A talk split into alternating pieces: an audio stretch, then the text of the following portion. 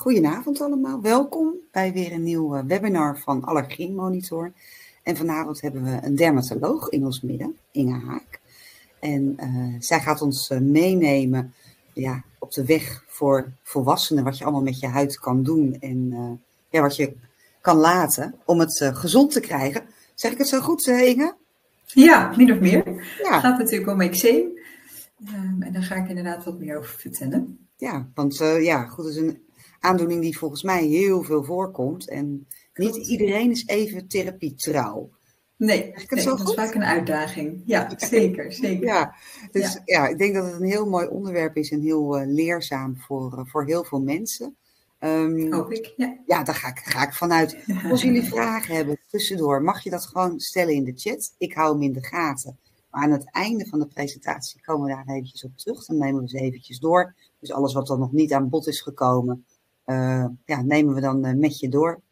dus stel gerust je vragen. Opmerkingen, mag allemaal in de chat. Stel dat het geluid wegvalt of het, of beeld of iets anders technisch, mag je het uiteraard ook in de chat zetten. Maar je ziet ook bovenin een knop opnieuw verbinden. Vaak helpt dat om het geluid weer goed te krijgen. Dus ja, wat mij betreft, Inge, heel veel plezier. En jullie ook allemaal veel plezier met, uh, met de presentatie. En ik zorg dat ik achter de schermen nog er ben. Maar dan ga ik even uit beeld. Dank je. Ja, helemaal goed. Gaan we van start. Nou, zoals verteld, ik ben eh, dermatoloog in het UMC Utrecht op dit moment werkzaam. En nou, ik hoop jullie vanavond wat te vertellen over constitutioneel eczeem. Een beetje in te gaan op wat fabels en wat feiten over eczeem, maar met name ook de behandeling met lokale middelen. Nou, even een vogelvlucht wat ik ga behandelen vanavond. Nou, wat is constitutioneel eczeem? Goed om daar even bij stil te staan. Hoe uit het zich, vooral bij volwassenen? Hoe kunnen we nou goed omgaan met de droge huid patiënten? Wat kan het eczeem verergeren? Wat is nou dat atopie-syndroom waar vaak over gesproken wordt? En dan ga ik verder in op de behandeling van mild tot matig eczeem, met ook wat over de fabels en feiten over lokale corticosteroïden. En dan ga ik ook even kort in over als het eczeem wat uh, heftiger aanwezig is. En heel kort aan het eind begeleiding en zelfmanagement. Nou, ik wil jullie meenemen door deze, door deze inhoud, door steeds terug te komen op een casus. Dat gaat over mevrouw A. Het is een 24-jarige patiënt die op het spreekuur komt en ze vertelt dat ze als baby last heeft, vanaf baby's leeftijd last heeft van jeuk en rode plekken. Nou, dan een periode in haar leven tussen de 6 en 16 jaar heeft ze veel minder last gehad. Maar de laatste jaren heeft ze weer last van een droge huid en veel jeuk. Daarna merkt ze ook wel dat ze wat hooikoortsklachten aan het ontwikkelen is. Nou, dan die diagnose constitutioneel eczeem. Zoals jullie al raden, deze mevrouw heeft constitutioneel eczeem. En eigenlijk is jeuk of pleuritis, zoals dat hier ook staat, de hoofdklacht um, of het hoofdcriterium waarbij de diagnose wordt gesteld. Verder zijn er een aantal nevencriteria, dus dingen die erbij kunnen komen, waarbij het gaat om of in het verleden eczeem is in de plooien, zoals elleboosplooien, knieholtes, maar ook voorgeschiedenis van astma of hooikoorts, een voorgeschiedenis van een droge huid, als het eczeem in de plooien zit, en of de begin van de aandoeningen jonger is dan twee jaar. Nou, wat is dan constitutioneel eczeem? Eigenlijk zijn er twee dingen die belangrijk zijn bij het eczeem. Eigenlijk twee dingen die niet helemaal goed functioneren. Er is een verminderde functie van de huidbarrière. En daar zijn de vetten zalven belangrijk voor. Maar er is ook een verstoring in het afweersysteem. En dat levert inflammatie op. Echt die rode, jeukende plekken die patiënten ontwikkelen met eczeem. En daarbij zijn lokale corticosteroïden onder andere belangrijk in de behandeling Nou, dit is een heel ingewikkeld plaatje en eigenlijk uh, is dit vooral om weer te geven dat er, nou ja, zoals ik het al net vertelde, uh, er een afwijking is in de bovenste laag van de huid, waarbij er uh, stoffen naar binnen kunnen en stoffen naar buiten. en dat is anders dan bij de normale huid. En als reactie daarop zie je vaak een inflammatie die je hier onder de huid ziet. En eigenlijk is dat, die cirkel geeft weer dat dat een beetje een visieuze cirkel is bij eczeem. Nou, wat zijn dan precies de uitingen van constitutioneel eczeem. Nou, we hebben het al bij mevrouw aangezien. De huid is droog, er is jeuk aanwezig. Maar daarnaast kunnen er ook klachten zijn van schilfers, bultjes, kloofjes, korstjes, rode of juist donkere verkleuringen van de huid. En wat we zien bij patiënten die wat langer deze klachten hebben, is dat er ook een verandering in de huid optreedt. De huid wordt dik en het wordt ruw. Dit is even een weergave van hoe uh, eczeem op de verschillende leeftijden uh, ziet. Tuurlijk kan dat op alle leeftijden overal zitten, maar je ziet wel op een aantal uh, leeftijden dat er voorkeurslokalisaties zijn. Nou, het eerste plaatje zie je bij baby's, dat het vooral nou, in het gezicht kan het fors aanwezig zijn, vaak op de buik en de rug, maar ook armen en benen. Dan in de peuter-kleutertijd zie je vaak dat het eczeem zich wat verplaatst naar de, typisch de knieholtes en de elleboogsplooien.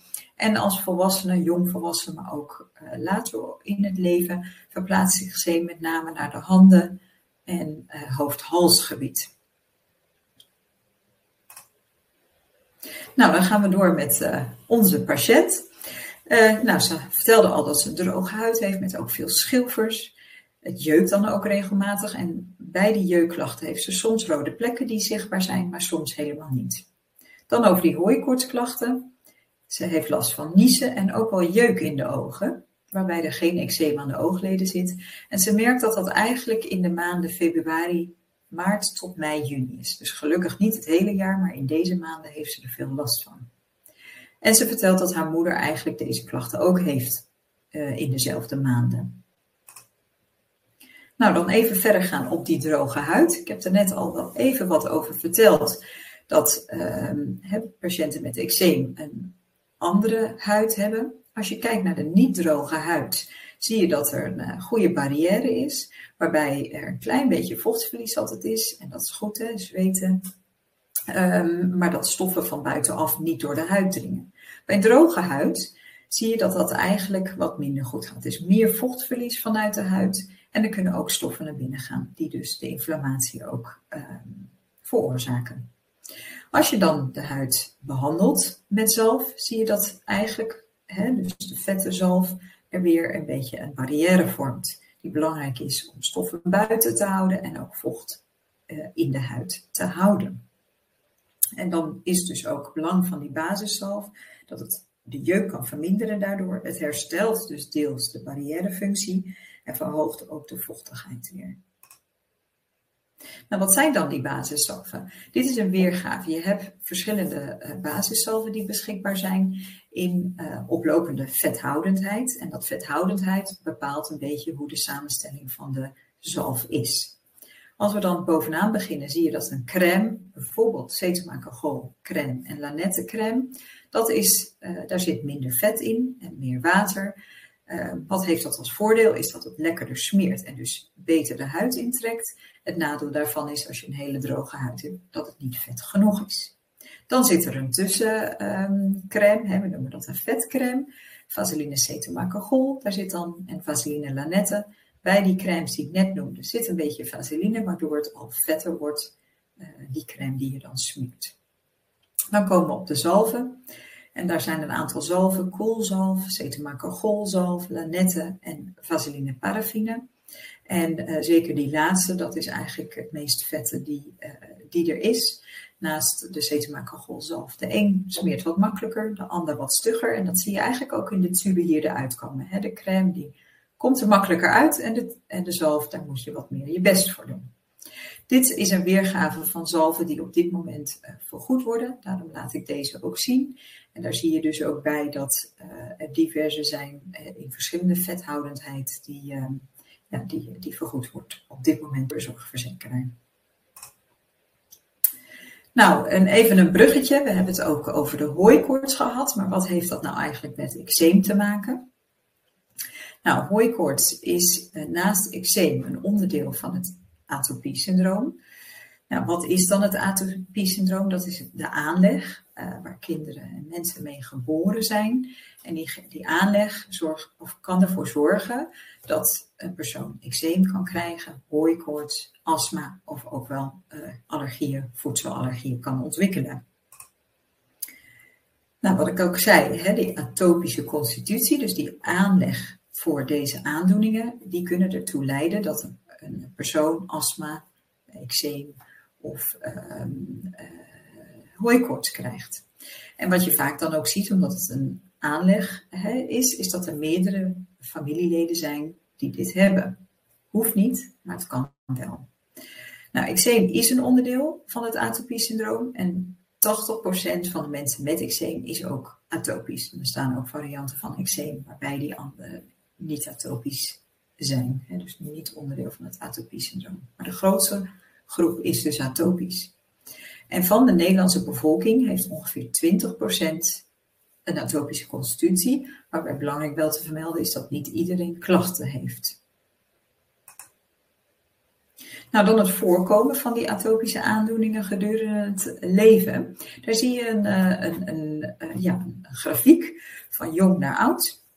Waarbij goed is, uh, de blauwe lijn dat laat zien dat dit de patiënten zijn met eczeem. Waarbij je ziet, met name in de jongere jaren van 0 tot 5, er inderdaad een flinke piekjes, maar dat dat wel wat afneemt gedurende het leven. Dan kijken we naar um, de groene lijn, dat is de lijn van de astma. Daar zie je ook wel, maar dan iets later dan het eczeem in de kinderleeftijd, uh, klachten van astma. En dan hebben we de hooikoorts. Dat is typisch iets wat inderdaad pas zich vaak openbaart. de aanleg zit er al, maar zich openbaart ja, ehm, net na de kinderleeftijd, dus 10, 12. En dan zie je dat dat vaak wel heel lang aanhoudt. Um, patiënten kunnen één van deze drie aandoeningen hebben. Ik, um, voedselallergie zou ook nog kunnen. dat kunnen kinderen natuurlijk ook wel ontwikkelen. Dat zie je als de rode lijn maar met name eczeem, hooikoorts en astma. Um, patiënten hebben dit soms alle drie tegelijk, soms afwisselend gedurende het leven, of maar één of twee van deze klachten. Nou, die atopische constitutie noemen we daardoor ook atopisch eczeem. Dat is hetzelfde als het constitutioneel eczeem. En hoe groot is nou die kans als je ouders aanleg hebben voor atopie? Nou, wat we weten is dat eh, kinderen van ouders met een atopische constitutie hebben een grotere kans op ook het ontwikkelen van een van die drie aandoeningen. Kinderen met twee atopische ouders, dus zowel moeder of vader heeft eczeem, hooikoorts of astma, dan hebben de kinderen 40 tot 80 procent kans op het ontwikkelen van atopie. En als één van de twee ouders het hebben, dan is het 10 tot 40 procent kans. Maar er zijn ook kinderen die geboren worden waarbij hun ouders dat niet hebben. En dan is er ongeveer een kans van 0 tot 10 procent. Dus het is niet altijd dat de ouders ook eczeem, hooikoorts of astma hebben. Maar dan kinderen met eczeem, die hebben, wat ik eerder vertelde, ook later een grotere kans op het ontwikkelen van astma en hooikoorts. Maar hoe, groot is die kans nou ongeveer? Nou, 40% van de kinderen met eczeem krijgt ook astma en ongeveer de helft van de kinderen met eczeem ontwikkelt later ook hooikoorts. Nou, dan zijn er heel veel factoren die het eczeem erg kunnen maken. We hebben het al uitgebreid net over de erfelijke aanleg gehad. Dat is iets waar kind dus mee geboren wordt. Maar er zijn naast die erfelijke aanleg nog heel veel factoren van buitenaf die ook een rol spelen. Het is hem denk ik een beetje moeilijk te lezen, dus ik neem jullie een klein beetje mee in de verschillende uh, vakjes. Um, begin ik even bovenaan. Nou, irriterende stoffen, waaronder water, zeep, maar ook transpireren, um, schoonmaakmiddelen, het, dus het in contact komen van dat soort stoffen, die kunnen de huid uitdrogen en daardoor jeuk veroorzaken en ook wel eczeem uitlokken. Dan hebben we het al over even de droge huid. Dat kan ook een verergering van het eczeem geven. Kan ook. Droge huid kan op zichzelf ook jeuken. Dan hebben we warmte en transpiratie. Er zijn veel patiënten die vertellen dat dat inderdaad een, een prikkel is, waardoor het eczeem erger wordt en waardoor ze ook veel jeuk krijgen. Dan heb je nog de andere allergieën, bijvoorbeeld contactallergieën, dus stoffen van buitenaf waar je uh, niet tegen kan. Verder, het jeuken en het krabben zelf kan ook het eczeem in stand houden en erger maken. En dan hebben we ook het klimaat horen vaak dat um, droge lucht, maar juist de weeromslagen, dat dat een uitlokker is van het eczeem. Dan is er ook nog het stress hè, of vermoeidheid en de algehele conditie, die uh, hè, vaak ook een prikkel kan zijn om het eczeem erger te maken. Nou, dit horende zijn er dus veel factoren waarbij we advies geven over hoe je dit soort dingen kan voorkomen. Een droge huid adviseren we basiszalf te smeren. Als warmte een uitlokker is, dan adviseren we om uh, niet te warm te kleden, in een koele ruimte te slapen. Verder proberen we uh, de jeukcyclus te doorbreken, dus het krabben, alternatieven voor het, het krabben. Um, adviseren vaak om te, de, te deppen en niet te krabben, bijvoorbeeld. Um, ja, en aan sommige factoren is natuurlijk uh, ja, moeilijk te ontkomen. Stress is natuurlijk iets wat uh, iets van het dagelijkse leven is. Hè? Momenten van stress of juist periodes van stress.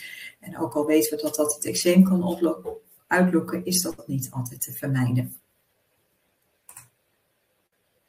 Dan he heeft eczeem, en zeker als het wat heftiger is, toch wel een behoorlijke impact op het leven. Nou, het hebben van frequente en hevige jeuk is al heel belastend. Vaak geeft dat ook een verstoord slaappatroon, waardoor uh, een tekort aan slaap weer een soort stress oplevert, wat weer meer jeuk en eczeem geeft. Dus dat is ook een soort visieuze cirkel waar veel patiënten in terechtkomen. Um, dat levert ook alweer opvlammingen van de ziekte. Um, en we zien vaak dat er inderdaad een afgenomen kwaliteit van leven is. Er is uitgebreid onderzoek uh, naar gedaan. En uh, dat het hebben van eczeem en het hebben van jeuk echt wel een, een impact op de kwaliteit van leven te hebben. Mensen die kunnen uh, minder goed concentreren door de jeuk, maar ook door het slaaptekort. En daardoor verminderde arbeid kunnen leveren. Maar ook, uh, denk aan niet naar school kunnen. Deels omdat de jeuk aanwezig is, maar deels ook omdat het zichtbaar is. Um, dus dat geeft toch ook wel weer um, veel toch ook angst en depressieve klachten. Kan het geven in ieder geval. En daarom is de behandeling van eczeem uh, van essentieel belang. Nou, dan komen we terug naar de casus, mevrouw A. Nou, ze heeft heel goed de huid vet gehouden, maar desondanks vlamt het eczeem erg op. In het gelaat en in de nek heeft ze flink rode en jeukende plekken. En ook de bovenzijde van de handen forse rode plekken die ook zelfs af en toe open gaan, waardoor ze helemaal niet meer haar handen uh, kan gebruiken. Nou, ik kan voorstellen dat dit belemmerend is in eigenlijk alles wat ze doet. Dan komen we op de behandeling. En die aanleg voor eczeem kunnen we niet veranderen. En zoals ik net vertelde, bepaalde factoren die het eczeem uitlokken, kunnen we ook niet altijd veranderen. Maar we kunnen het eczeem wel goed behandelen. Nou, de basis van de behandeling van mild tot matig eczeem is corticosteroïdezalf, ook wel hormoonzalf in de volksmond genoemd, veel. Um, en dat kan zowel in crème of in zalfbasis. Net vertelde ik over de verschillende vethoudende crèmes. Een corticosteroïd, dus een hormoonzalf, kan in een crèmebasis uh, gemengd worden. Hè? Dus het medicijn zelf kan gemengd worden in crème of juist in een wat vettere substantie zalf. Er zijn vier klassen corticosteroïden. Klasse 1 is de zwakste, klasse 4 is de sterkste. Daar kom ik zo nog even op terug. Dan naast de hormoonzalf hebben we topicale immuunmodulerende middelen. Dit zijn Protopic of uh, tacrolimus uh, of Elidel pimecrolimus crème. Protopic is een zalf, Elidel is een crème. En dit zijn middelen die sinds 2002 in Nederland op de markt zijn voor de behandeling van eczeem. En ik kom even op wanneer deze goed in te zetten zijn. En dan hebben we Coltier, dat is een heel oud middel, die zo nu en dan nog wel uh, uh, voorgeschreven wordt als alternatief voor de bovenste twee. Omdat het niet zo vaak toegepast wordt, ga ik daar verder nu vandaag niet op in. Nou, dan heb ik het over die vier klassen gehad. Nou, 1 tot en met 4. Uh, je ziet hier twee tabellen of twee rijen. En eigenlijk is de bovenste hetzelfde als het onderste. Je hebt namelijk van de corticosteroïden heb je met veel medicijnen, maar dus ook met de lokale corticosteroïdenzalven, dat er een merknaam is en een stofnaam. Dat is vaak heel verwarrend, hè, want we hebben het over hetzelfde. Alleen eh, als je dan bijvoorbeeld hier bij de eerste is hydrocortison, En dat wordt afgekort HCA vaak en hydrocortisonacetaat. Een voorbeeld daarvan ehm, is bijvoorbeeld ook cutivate en dat is fluticasone. Dus dan staat er soms fluticasone op de tube en dan zeggen we cutivate of precies andersom. Nou, dat geeft nog wel eens wat verwarring, maar het is goed om deze tabel er af en toe eh, bij te pakken om ook even aan te geven van ja, dit zijn dezelfde zalven. Hier zie je eigenlijk in die tabel ook gelijk dat dat een, hè, dan neem ik fluticasone weer als voorbeeld, dat je het in crème en in zalfbasis kan mengen. Dus daarmee kan je een verschil maken tussen uh, plekken die droog zijn, die je liever met een zalf wil behandelen, of plekken die minder droog zijn, bijvoorbeeld nattende eczeemplekken, die wil je liever met een crème. Kom zo ook even op welke crème je waar zou willen geven.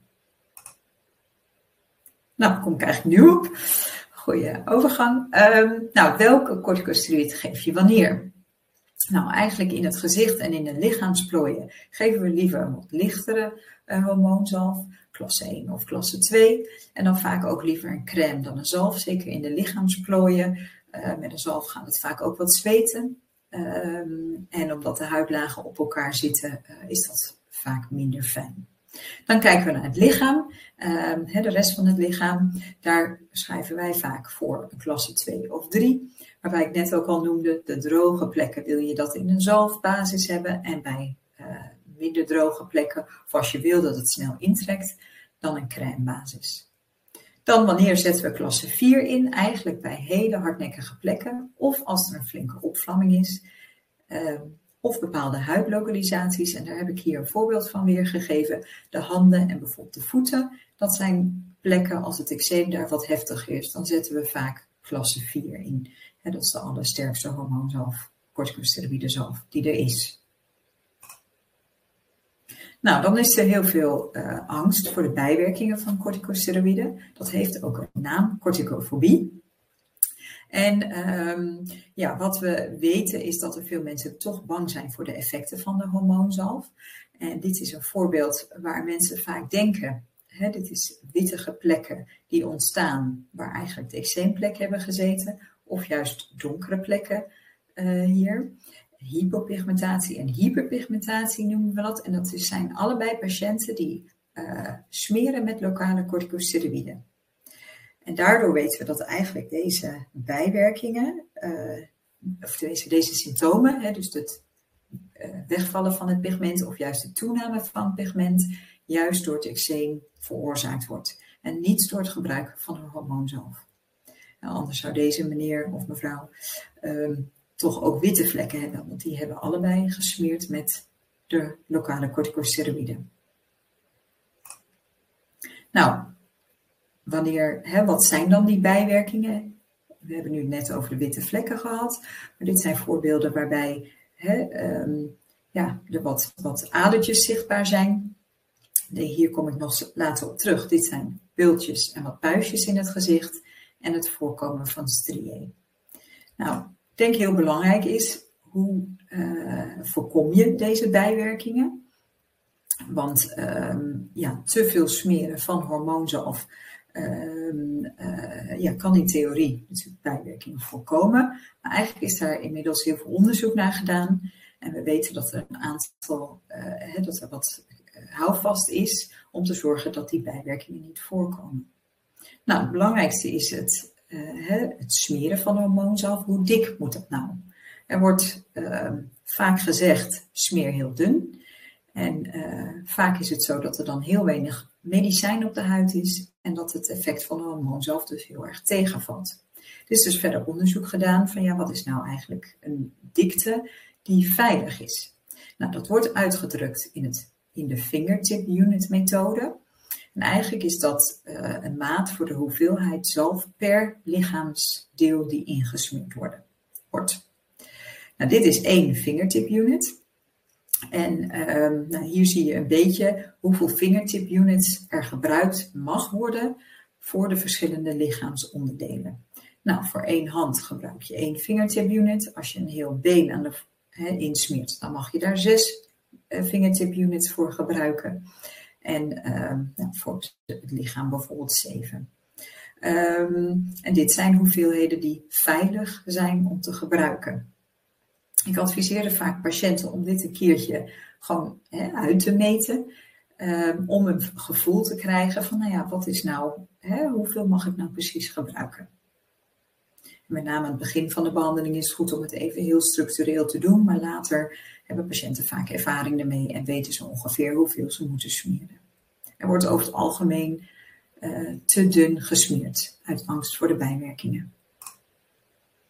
Nou, als je dan kijkt naar een volwassen persoon, het plaatje net was ook een volwassen persoon en hoeveel ze mochten gebruiken. Bij kinderen die natuurlijk een veel minder grote lichaamsoppervlakte hebben, die mogen minder smeren of die smeren automatisch minder. Die gebruiken wel dezelfde methode, de fingertip unit methode, maar die hebben natuurlijk een veel minder grote lichaamsoppervlakte.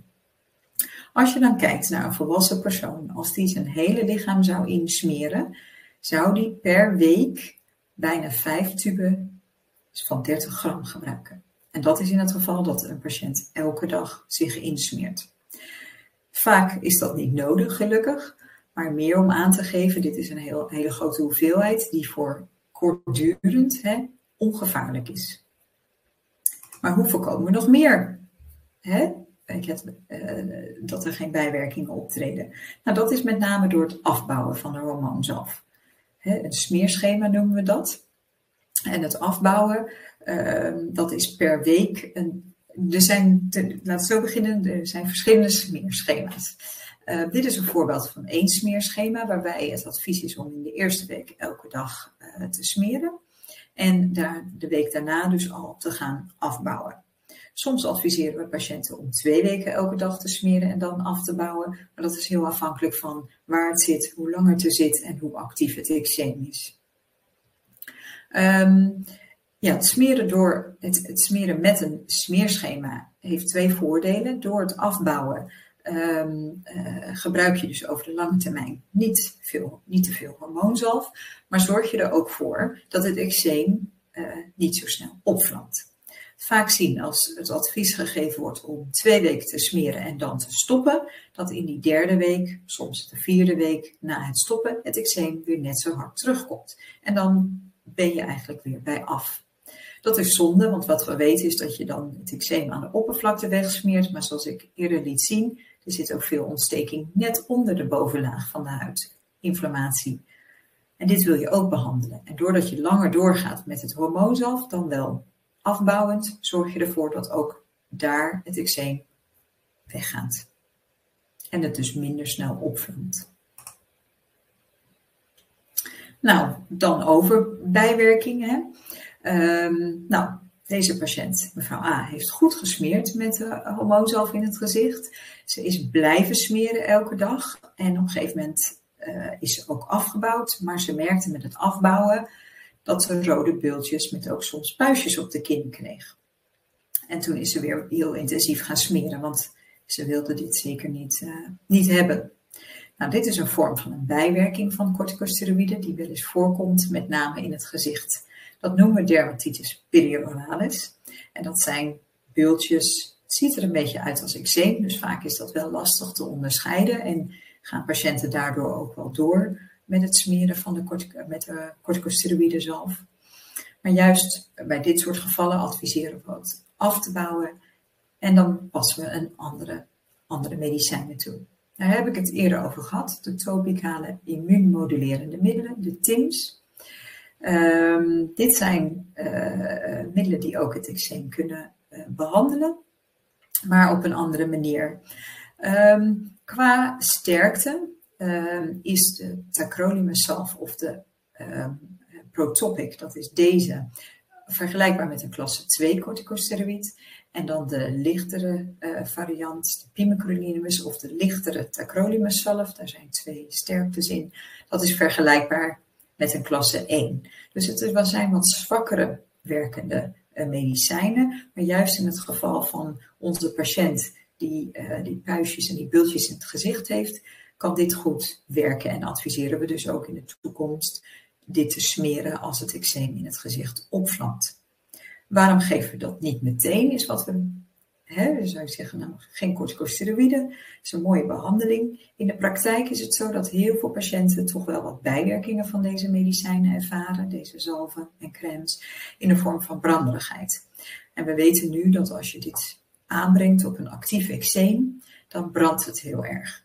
Dus wat we meestal adviseren als dit uh, van toepassing is, om het eerst te smeren, weg te smeren met een hormoonzalf en daarna dit toe te passen als onderhoudsbehandeling. Nou, om even nog een idee te geven, het is ook een heel stuk duurder dan de hormoons of de corticosteroïden zalven. Als je kijkt naar de triamcinolon en mometasone vetzalf, twee corticosteroïden die veel voorgeschreven wordt. Nou, je ziet de kosten per tube 30 gram, uh, nou maximaal 4 euro. Kijk je dan naar een tube van de Protopic of Elidel, zit je eigenlijk al op de 25 euro. Dus dat is ook nog een aspect om uh, zo af en toe bij stil te staan. Nou, dan uh, komen we weer terug bij onze patiënt. Nou, ze is, heeft goed gesmeerd met de corticosteroïde zalf en ook met de vette zalf. Echter, ze merkt bij het afbouwen dat het eczeem eigenlijk heel snel opvlamt. Nou, komt in de spreekkamer. Ze heeft netjes ook in het gelaat Protopic gesmeerd. Dat gaat heel goed, maar eigenlijk de rest van het lichaam niet. Wat nu? Nou, inmiddels is een hele drukke schema, maar wat vooral uh, in dit schema belangrijk is, is dat er uh, tegenwoordig andere uh, diverse verschillende middelen zijn om naast het smeren een matig tot ernstig eczeem te behandelen. En dat is op het moment dat er goed gesmeerd is, volgens de fingertip unit en afgebouwd wordt en het eczeem is niet onder controle of het lukt niet om af te bouwen, hè, dus als er twee dagen overgeslagen wordt en het eczeem vlamt elke keer op, dan is er een reden om andere medicijnen te geven. En dan beginnen we meestal met deze uh, middelen, waarbij cyclosporine en methotrexaat de meest bekende, bekendste middelen zijn voor behandeling van eczeem. Maar inmiddels zijn er ook een hele groep andere geneesmiddelen. Uh, en dan noem ik het even kort de biologicals en de jakremmers. En het is goed dus om te weten dat als dus de behandeling met de lokale corticosteroïden, de corticosteroïden zelf of de uh, protopic elidel onvoldoende is, dat dit een, een, een, mogelijkheid is. Dan even kort de werking van deze biologics. Nou, ook weer wat ingewikkelde uh, schema's, maar wat goed is om te weten is dat um, ja, beide uh, van deze twee stofjes, dupilumab en tralokinumab, beide uh, belangrijke stofjes of uh, eiwittenremmen die belangrijk zijn in, bij het eczeem. En dupilumab rem 2 en uh, tralokinumab 1 hiervan. Dit zijn injecties die elke twee weken toegepast worden. Nou, inmiddels uh, zijn beide uh, middelen ook geregistreerd voor kinderen. De tralokinumab, uh, die aan de rechterkant, die vanaf 12 jaar. Maar bij dupilumab eh, is het ook goed om te weten dat dat ook al eh, jonger gegeven kan worden. Dat wordt tegenwoordig, of dat wordt wel toegepast in gespecialiseerde eczeemcentra. Dan de jakremmers. Even goed om te weten dat die uh, drie op dit moment uh, beschikbaar zijn. Baricitinib, upadacitinib en abrocitinib. Dit zijn tabletten die ingenomen kunnen worden, maar waarbij er ook uh, bloedonderzoek gedaan moet worden om bijwerkingen te vervolgen. Daar wil ik eigenlijk niet te lang bij stilstaan, want ik denk als je kijkt naar deze behandelingsschema, behandelingspyramide, hebben we het net over de medicatie gehad. En wat, uh, wat je goed ziet is dat dat eigenlijk een hele kleine percentage betreft van de patiënten met constitutioneel eczeem. dus het, uh, de patiënten met echt een ernstig eczeem komen hiervoor in aanmerking. Maar als je kijkt naar de, de, grootste groep uh, patiënten, als we dan onderaan de piramide beginnen, is ongeveer 84% kunnen goed, daarmee wordt hun huid behandeld, maar ook het eczeem goed behandeld met ja, toch doucheadviezen, basiszalven, huidverzorging, maar ook de uh, corticosteroïden die ik net liet zien en de Protopic of Elidel. Sommige patiënten hebben wat sterkere werkende corticosteroïden nodig, maar de overgrote deel uh, heeft baat en heeft voldoende aan de behandeling met het, de smeersels en de basiszalven. Begeleiding is hier wel een essentieel onderdeel van de behandeling. Je kan je voorstellen als, als je elke dag uh, moet smeren, hè, wat we adviseren met de basiszalven, dat dat best tijdrovend en intensief is. En dat het soms wat beter werkt dan andere keren. En de begeleiding met ook het uitzoeken van wat voor zalf uh, fijn is. In de zomer is een andere zalf misschien fijner dan degene die patiënten gebruiken. In de zomer vaak een crèmebasis, in de winter juist een zalfbasis. Kan je voorstellen dat dit ook wel wat begeleiding vergt. Nou, daar zijn gelukkig een uh, aantal uh, nuttige tools. Begin ik met de Vereniging voor Mensen met Constitutioneel Eczeem. Dat is een hele actieve patiëntenvereniging. Mogelijk hebben jullie hier al van gehoord. Hebben een website um, en een besloten Facebook of een, een, een Facebookpagina waar, waar je kan aanmelden, waarbij ook tips en tricks gedeeld worden. Dus dat is een manier om ook um, in contact te komen met andere mensen met constitutioneel, constitutioneel eczeem. Maar daarnaast is er door het UMC Utrecht een zalf-app ontwikkeld, de Zalf Smeerwijzer. En dit is eigenlijk een, een app waarbij veel informatie over eczeem in staat, maar daarnaast ook smeerschema's, handige tips en trucs, adviezen, uh, de verschillende soorten zalven staan erin weergegeven. Dus dit is vaak iets wat makkelijk uh, geraadpleegd kan worden. Op de, he, kan downloaden op de telefoon, is geheel gratis. En daarmee kan je natuurlijk verschillende um, dingen ja, bekijken en een, een, een, hulplijn inschakelen op het moment dat je niet, geen hulp van een dokter of een verpleegkundige krijgt. Dan is er de website Thuisarts. Die wordt ook veel geraadpleegd. Daar staat ook uitgebreide informatie over eczeem, maar ook de beschikbare middelen en uh, uitleg ook met smeerschema's. Dus um, genoeg manieren om toch naast het advies wat je eventueel krijgt van een huisarts, maar ook een dermatoloog, een verpleegkundige, de apotheek, zijn dit ook bronnen waar, waar je zelf wat meer informatie kan, kan vinden. Nou, als laatst wat ik jullie wil meegeven, is dat constitutioneel eczeem is een chronische huiddoening. Ik heb het over gehad, de aanleg. Hè. Het is, een erfelijke aanleg waarbij er ook aanleg is voor hooikoorts en astma en soms een voedselallergie. Dagelijks vet houden van de huid vormt de basis, vermindert de jeukklachten, maar kan, kan ook het eczeem verminderen. Daarnaast zijn lokale corticosteroïden, corticosteroïdenzalven, belangrijk in de behandeling, waarbij uh, smeren volgens de fingertip unit en een smeerschema eigenlijk uh, zien we als dat gebruikt wordt dat bijwerkingen weinig voorkomen. En als het eczeem dus ernstig is of het lukt niet om af te bouwen, zijn er ook andere medicijnen beschikbaar. Nou, wil ik jullie heel erg danken voor jullie aandacht. Ik hoop dat jullie hier wat aan gehad hebben en ik ben uh, benieuwd of jullie nog uh, vragen hebben. Nou, die zijn er zeker. Ik denk dat het leuk is als je de presentatie even stopt, dan zijn we weer groot in beeld. Ja. Nee, ja. Even kijken waar ik nu... Uh... Lukt dat? Dan zoek ik hem op hoor. Nee, nee ik stop hem bij deze. Ja, top. Ja. Nou, hartstikke goed. Ja, ik, normaal gesproken zet ik de chat altijd op privé, maar ik zie dat ik hem nu op public heb gezet. Dus we kunnen ah. allemaal de, de vragen zien. Excuses. Um, bij het beantwoorden van de vragen, bij de opnames zien mensen de vragen niet. Dus wees niet bang dat iedereen alles uh, van je te weten komt. Um, eigenlijk heb ik ook een vraag voor je, Inge. Um, ja. Wanneer is het nou slim om een verwijzing te vragen van je nou, huis? dat is een, ja, dat is een hele goede vraag.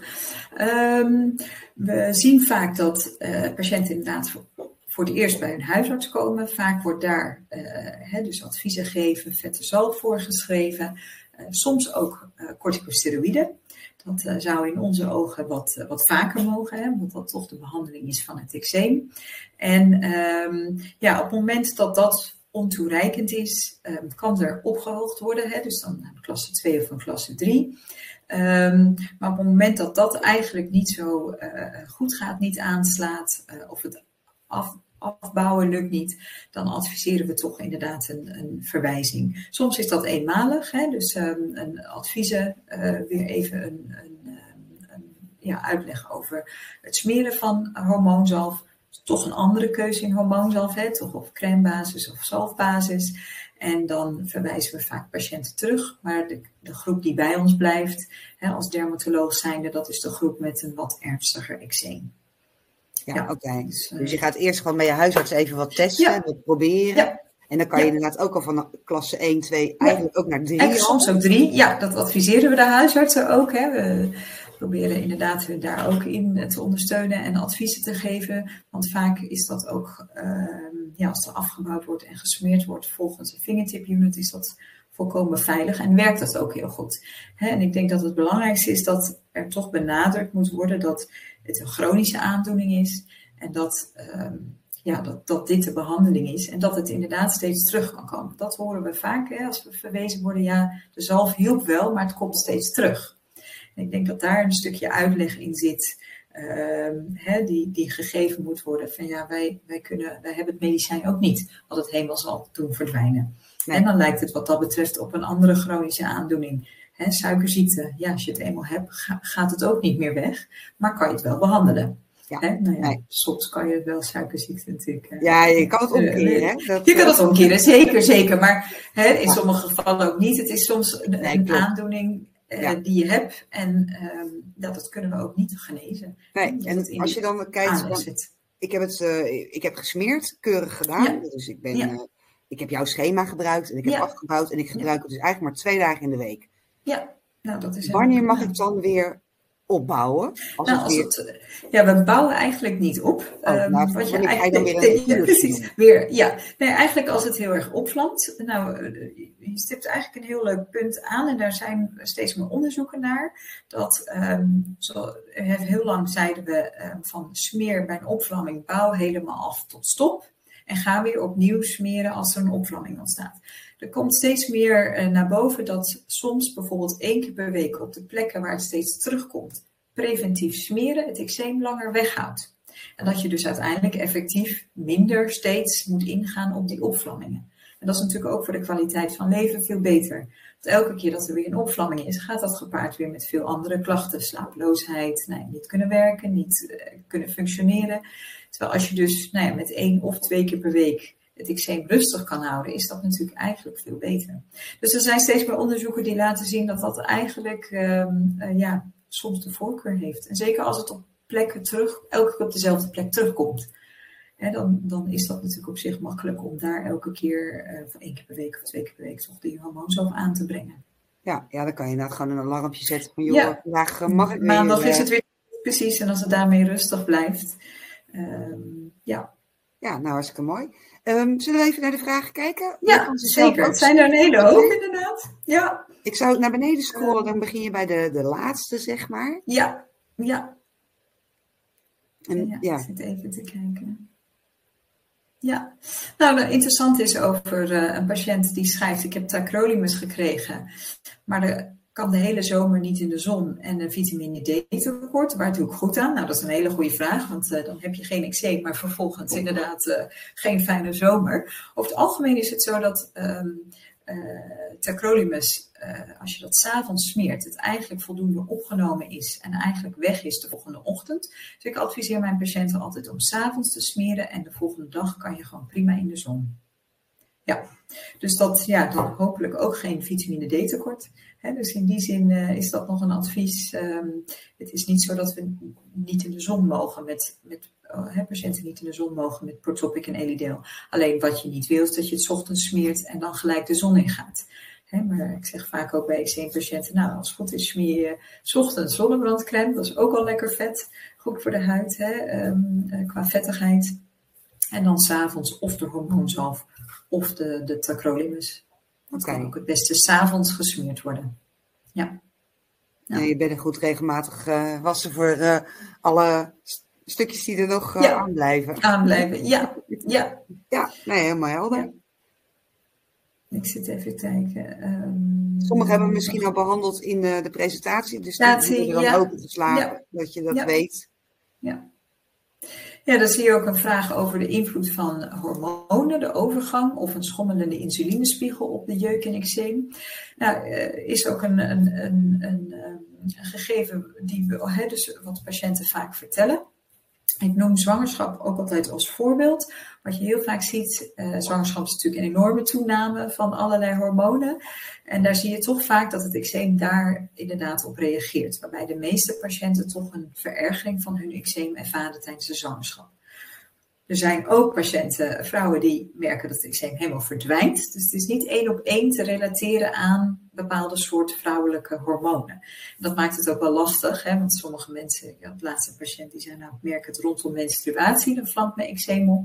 En we weten wel dat dat periodes zijn waarbij het lichaam ook een soort uh, stress heeft. Dus dat dat best een reden kan zijn dat het dan inderdaad uh, uh, ja, opvlamt.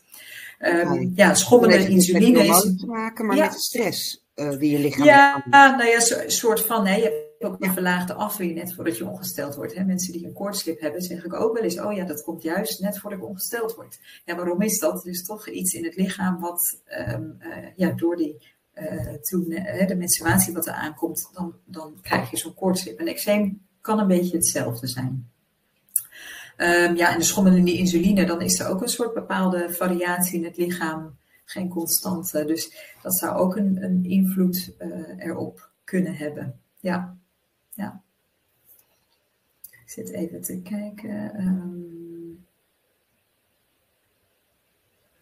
Ja, um, iets wat wij vaker ook horen. hoe komt het dat als ik mij insmeer met een vette zalf of crème, uh, voor mijn eczeem, dat, het dat mijn huid verschrikkelijk kan beginnen te jeuken. En wat is daar tegen te doen? En als ik zweet, lukt het al zeker niet om een vette crème of zalf te smeren. Wat we aanraden. Nou, dat, dit is een, een zeker niet bij iedereen, maar we horen wel eens dat patiënten inderdaad met een te vette zalf smeren en dan juist een toename van jeuk krijgen. We weten niet precies wat daar de mechanisme achter ligt. Misschien toch dat de huid minder droog is dan bij sommige andere patiënten, dat het minder goed opgenomen wordt en meer als een, ja, toch een laag op de huid uh, blijft en daardoor toch uh, ja, irritatie juist geeft. Um, ja, praktisch gezien adviseer ik eigenlijk altijd om dan een um, een crème te kiezen. dus uh, zeker ook in de zomermaanden is het smeren van bijvoorbeeld vaseline, paraffine bij heel veel patiënten niet zo fijn. Omdat het eigenlijk veel te vet is en door die vet, vettigheid uh, kan je ook minder goed zweten. Dus uh, dat is ook vaak met het uh, smeren met zonnebrandcrème. Als je dan gaat zweten, voelt dat allemaal een beetje plakkerig aan. En dat geldt ook voor de basiszalven. Dus ja, wij, kijken, wij kiezen ook wel een beetje in de, in, de, in de winterperiode juist voor een vettige zalf. Want de huid wordt dan droger door, de, door het klimaat. En in de zomer adviseer ik vaak um, ja, minder, minder, minder vet te smeren. Dus echt een crème. Ja. En kan je dat ook gewoon aan je huisarts vragen dan? Van, ja, zeker. Mag je die, mag je ja. die? Ja. Dat, ja, en er zijn mensen die dat ook een beetje afwisselen. Bijvoorbeeld ook in het gezicht een crème smeren op het rest van het lichaam. Een, een, een wat vettere zalf, echt een zalf. Wat het natuurlijk ook niet fijn is als je gezicht bijvoorbeeld glimt of, of heel uh, wat plakkerig aanvoelt. Terwijl op het rest van het lichaam sommige mensen hè, die zeggen, nou ik smeer het lekker voordat ik naar bed ga, trekt het de hele nacht in en de volgende ochtend voelt mijn huid weer lekker soepel aan. Dus dat is ook heel individueel en dat is, dat is ook juist die begeleiding die zo belangrijk is. Niet alles is hetzelfde voor iedere persoon, dus soms is het een beetje uitvogelen van ja, wat, wat werkt nu voor mij en wat, uh, ja, wat vind ik niet prettig. En ik zeg ook altijd, ik heb liever dat iemand iets smeert, dan dat het heel vet is en in de kast blijft staan. Ja, He? ja. ja merk je Moet veel wel praktisch mensen, blijven. Ja, ja. Dat, merk je veel dat mensen uh, te vroeg stoppen ook? Ja, nou sowieso de, de misvatting van ik smeer alleen bijvoorbeeld de basiszalf op droge plekken. Wij adviseren inderdaad om het hele lichaam in te smeren. Um, maar zeker ook het smeren van een hormoonzalf. En dat, dat is op zich logisch. Hè? Als je hoofdpijn hebt, je neemt paracetamol en het is over, dan stop je daar eigenlijk ook mee. Dus smeer je hormoonzalf, um, ja, dan weten we dat je ja, lijkt aan de oppervlakte alsof het weg is, maar vaak uh, zit het nog wel net onder de huid. En moet je het dus echt afbouwen. En het verhaal wat ik even eerder vertelde is van hè, uh, advies twee weken smeren en dan stoppen ja, dan zien we eigenlijk heel vaak dat het heel snel terugkomt. Terwijl juist met dat afbouwen zien we vaker dat het dan ook daarna langer wegblijft. Dus dat is soms ook wel, hè, dat, dat wil je eigenlijk, dat het zo onder controle is dat het ook langere tijd niet nodig is om met hormoonzalf te smeren. En alleen de vetten, de basiszalf te smeren.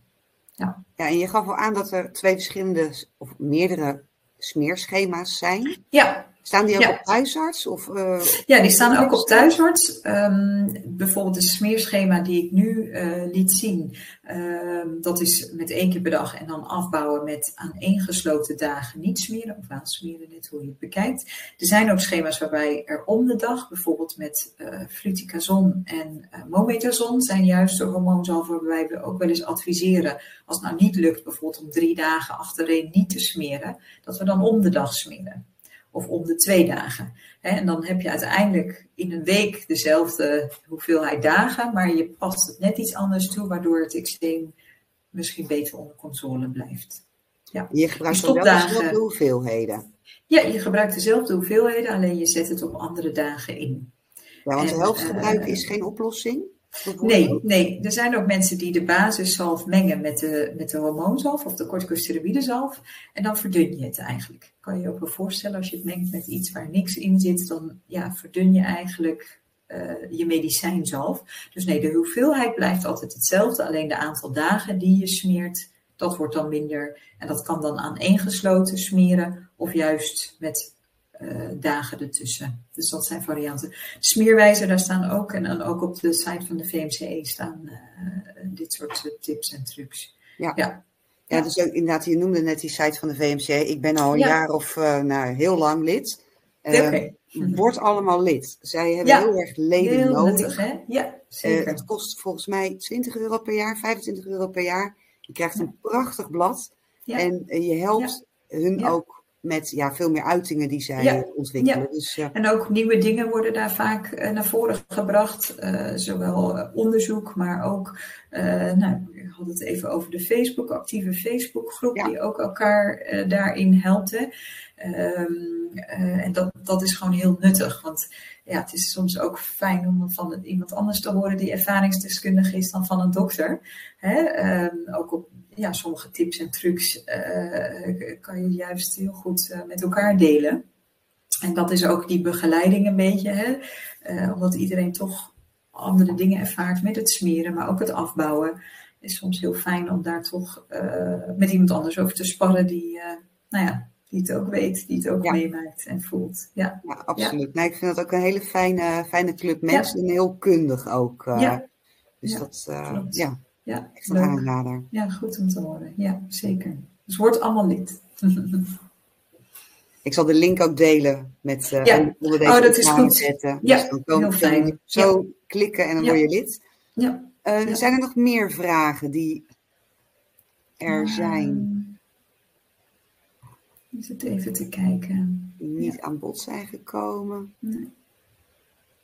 Nou, nog even over de doucheadviezen. Daar ben ik inderdaad niet zo heel uitgebreid op ingegaan. Maar we adviseren vaak om niet te lang en niet te heet te douchen. Um, en uh, water droogt de huid uit. Dus heb je ook al een droge huid, hè, dat, dat, wisselt ook per patiënt. Um, is dat advies, hè, geldt dat nog meer? En uh, ja, qua zeep en de, hè, um, we adviseren vaak ook met de drooghuid om meer olie te gebruiken. Of helemaal niks. Hè. In die zin, uh, zeker uh, in Nederland, voor, ja, tenzij het 30 graden is, word je niet heel erg vies. Dus echt elke dag zeep gebruiken hoeft helemaal niet. En uh, zeker voor de droge huid adviseren we vaak een, een, een doucheolie. Of dus helemaal niet met, met zeephoudende producten te gebruiken. Omdat zeep ook weer de huid uitdroogt. Ja, ja. Ja, zeker bij, uh, ook als je last hebt van allergieën, met huidallergieën Ja. of contactallergieën. Ja, precies. Eh, er is Ja. een, eh, een Deens bedrijf wat Mhm. producten kijkt of er ja, irriterende stoffen in zitten. Stoffen. Ja. Eh, ja, en dat is echt, ja, ik vind dat een heel fijn eh, hulpmiddel om, eh, ja, om een beetje te weten van welke producten zijn nou veilig om te gebruiken. Alles is veilig, want anders was het niet op de Mhm. markt. Maar Mhm. ook voor mensen met een gevoelige huid of eczeemhuid, dan eh, ja, kan je daar eh, bij terecht. Advies ook uh, inwinnen. Ja. Ja. ja, contactallergie hebben we natuurlijk niet uitgebreid over gehad, maar dat is ook omwille van de tijd. Het is eigenlijk een apart onderwerp, uh, zou ik willen zeggen.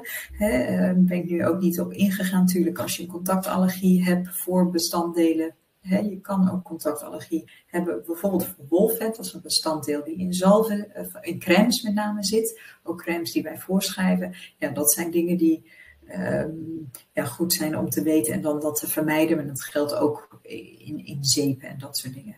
Maar um, ja, nou, dat is voor een volgende keer gaan we daar. Uh, ja, dat is een goede. Dat we uh, vervolgen. ja, ja. Nou, ik denk dat ik de meeste vragen nu wel. Um, ja, ik denk wel gehad hebben. Niet, niet allemaal. Uh, ik weet niet of jij nog verder. Um... Nee, ik denk dat, denk dat de basis inderdaad allemaal gedeeld is. Mochten jullie ja. nog vragen hebben die we niet beantwoord hebben of nee. iets speciaals, mail ons eventjes. Dat ja. kan naar uh, ja. de allergiemonitor of het kan naar Happy Living Academy. Jullie krijgen ook de opnames. Dus daar kan je gewoon op reply en dan kan je eventueel je vraag nog stellen. En uh, mochten wij er niet uitkomen, op thuisarts staat dus ook echt ontzettend veel informatie. Maar ik kan dat altijd eventjes voorleggen aan, uh, aan Inge. En dan kunnen we even kijken of we jullie alsnog kunnen helpen. Een antwoord. Um, voor nu heel erg bedankt voor, uh, voor de uitgebreide informatie, Inge. Ik vond het uh, zeer, zeer, informatief. En ja, ik denk dat het heel duidelijk is dat je goed voor je, voor je orgaan moet zorgen. Hè? Dat mooie orgaan wat onze huid is. Het is. En die heel belangrijk is. Ja, zeker. En zorgen dat, die, dat die barrière goed onderhouden wordt. Ja. Dat er geen stomme dingen binnen kunnen komen. Want dat uh, moeten we zien te voorkomen. Dus heel hartelijk dank voor alle informatie. En uh, jullie dank voor alle leuke vragen en jullie aanwezigheid. En ik stuur snel de opnames toe. Fijne avond nog. Oké, okay, fijne avond.